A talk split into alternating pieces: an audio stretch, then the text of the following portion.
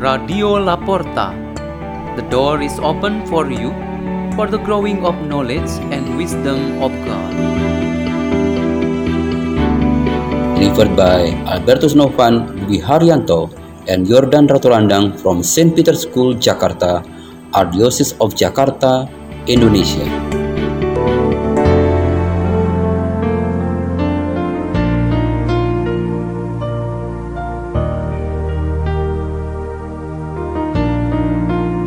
Reading and meditation on the Word of God on Wednesday of the second week of Lent, March 8, 2023.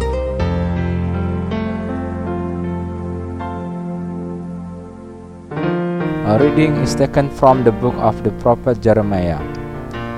The people of Judah and the citizens of Jerusalem said, Come, let us conceive a plot against Jeremiah. It will not mean the loss of instruction from the priest, nor of counsel from the wise, nor of messengers from the prophets. And so, let us distract him by his own tongue. Let us carefully note his every word. Heed me, O Lord, and listen to what my adversaries say. Must good be repaid with evil, that they shall dig up to take my life. Remember that I scout before you and speak in their behalf, to turn away your wrath from them. The word of the Lord.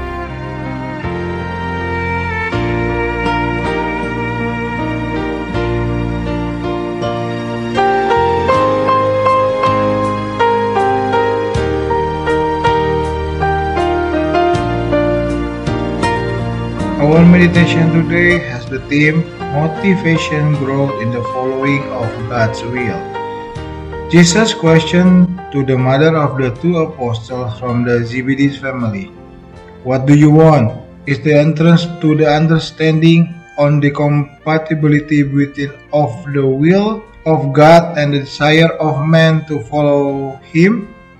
Jesus' vision for salvation of mankind through the way of the cross and suffering attracted the attention of many followers, including the two apostles. Like other disciples, many other followers, and also we who are now listening to his word, this attraction reinforced our motivation to follow Christ. Through attraction, as an initial stage, which bring to the faith and ability to follow him, a suitability will be a good outcome. The Lord wills in this direction and we hit the call, then follow him. Expression like I like or I'm interested or I'm ready, I want is a usual our response to the call and invitation of the Lord. For example, when the preaching of the Word of God really gives new insight and inspiration, someone then exclaims, Yes, I realize in myself and I agree to what God wants from me. This expression indicates the suitability that has been just mentioned. This initial stage then leads us to the next one, which the motivation that one interest and love. We don't have from the beginning just only one motivation. We need to check the initial motivation, then to ensure that it is still original or remain as such for enhancing the suitability or has indeed changed. One motivation can change along with the change of time and one's own desire.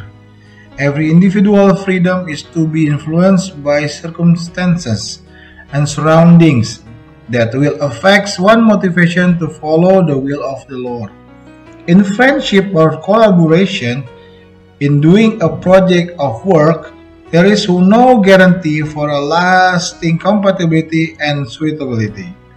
Everyone motivation can change anytime that eventually break up friendship or collaboration. Our two readings today speak about the change of motivation in following of God's will. When the change is known to bring oneself or others away from the path of the Lord, it will be definitely rebuked by the Lord. The prophet Jeremiah was strongly confronted by those who sought to destroy him. God was on his side and he did not doubt about it. But at the same time, he requested that God should do him harm and punish his opponent as well.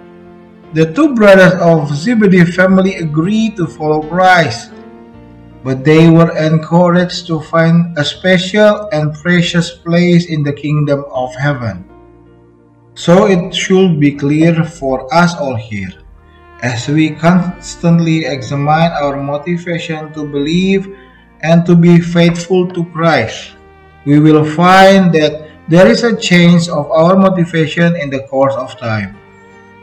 Our liturgical readings today show that the change of motivation happened in order to prioritize the interest for one's own satisfaction and not for the following of God's will. We know very well the consequences for those who do not follow the will of the Lord. Consequently, the Lord will rebuke or even punish those who disobey Him and only follow their own desire. Let's pray. In the name of the Father, and the Son and the Holy Spirit. Lord Jesus Christ, increase our faith that we may have the right motivation in the path to follow you. Our Father which art in heaven, hallowed be thy name, thy kingdom come. Thy will be done in earth as is in heaven.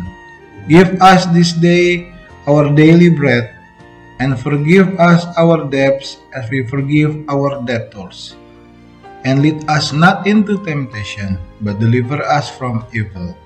For thine is the kingdom, and the power, and the glory forever. Amen. In the name of the Father, and the Son, and the Holy Spirit. Amen. Radio La Porta. The door is open for you.